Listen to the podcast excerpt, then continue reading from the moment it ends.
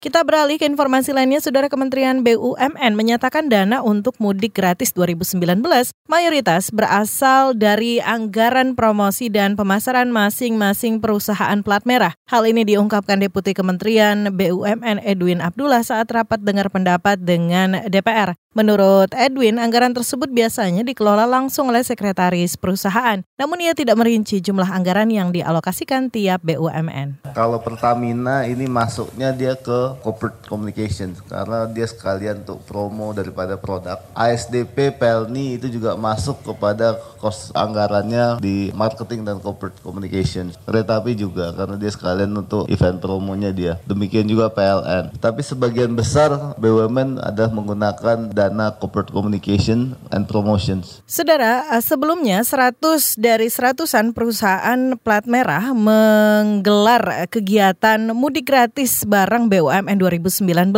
Mereka kabarnya siap memberangkatkan 250 ribu pemudik ke berbagai kota tujuan di tanah air. Dan tahun lalu saudara hanya 60-an BUMN yang terlibat dalam kegiatan tersebut.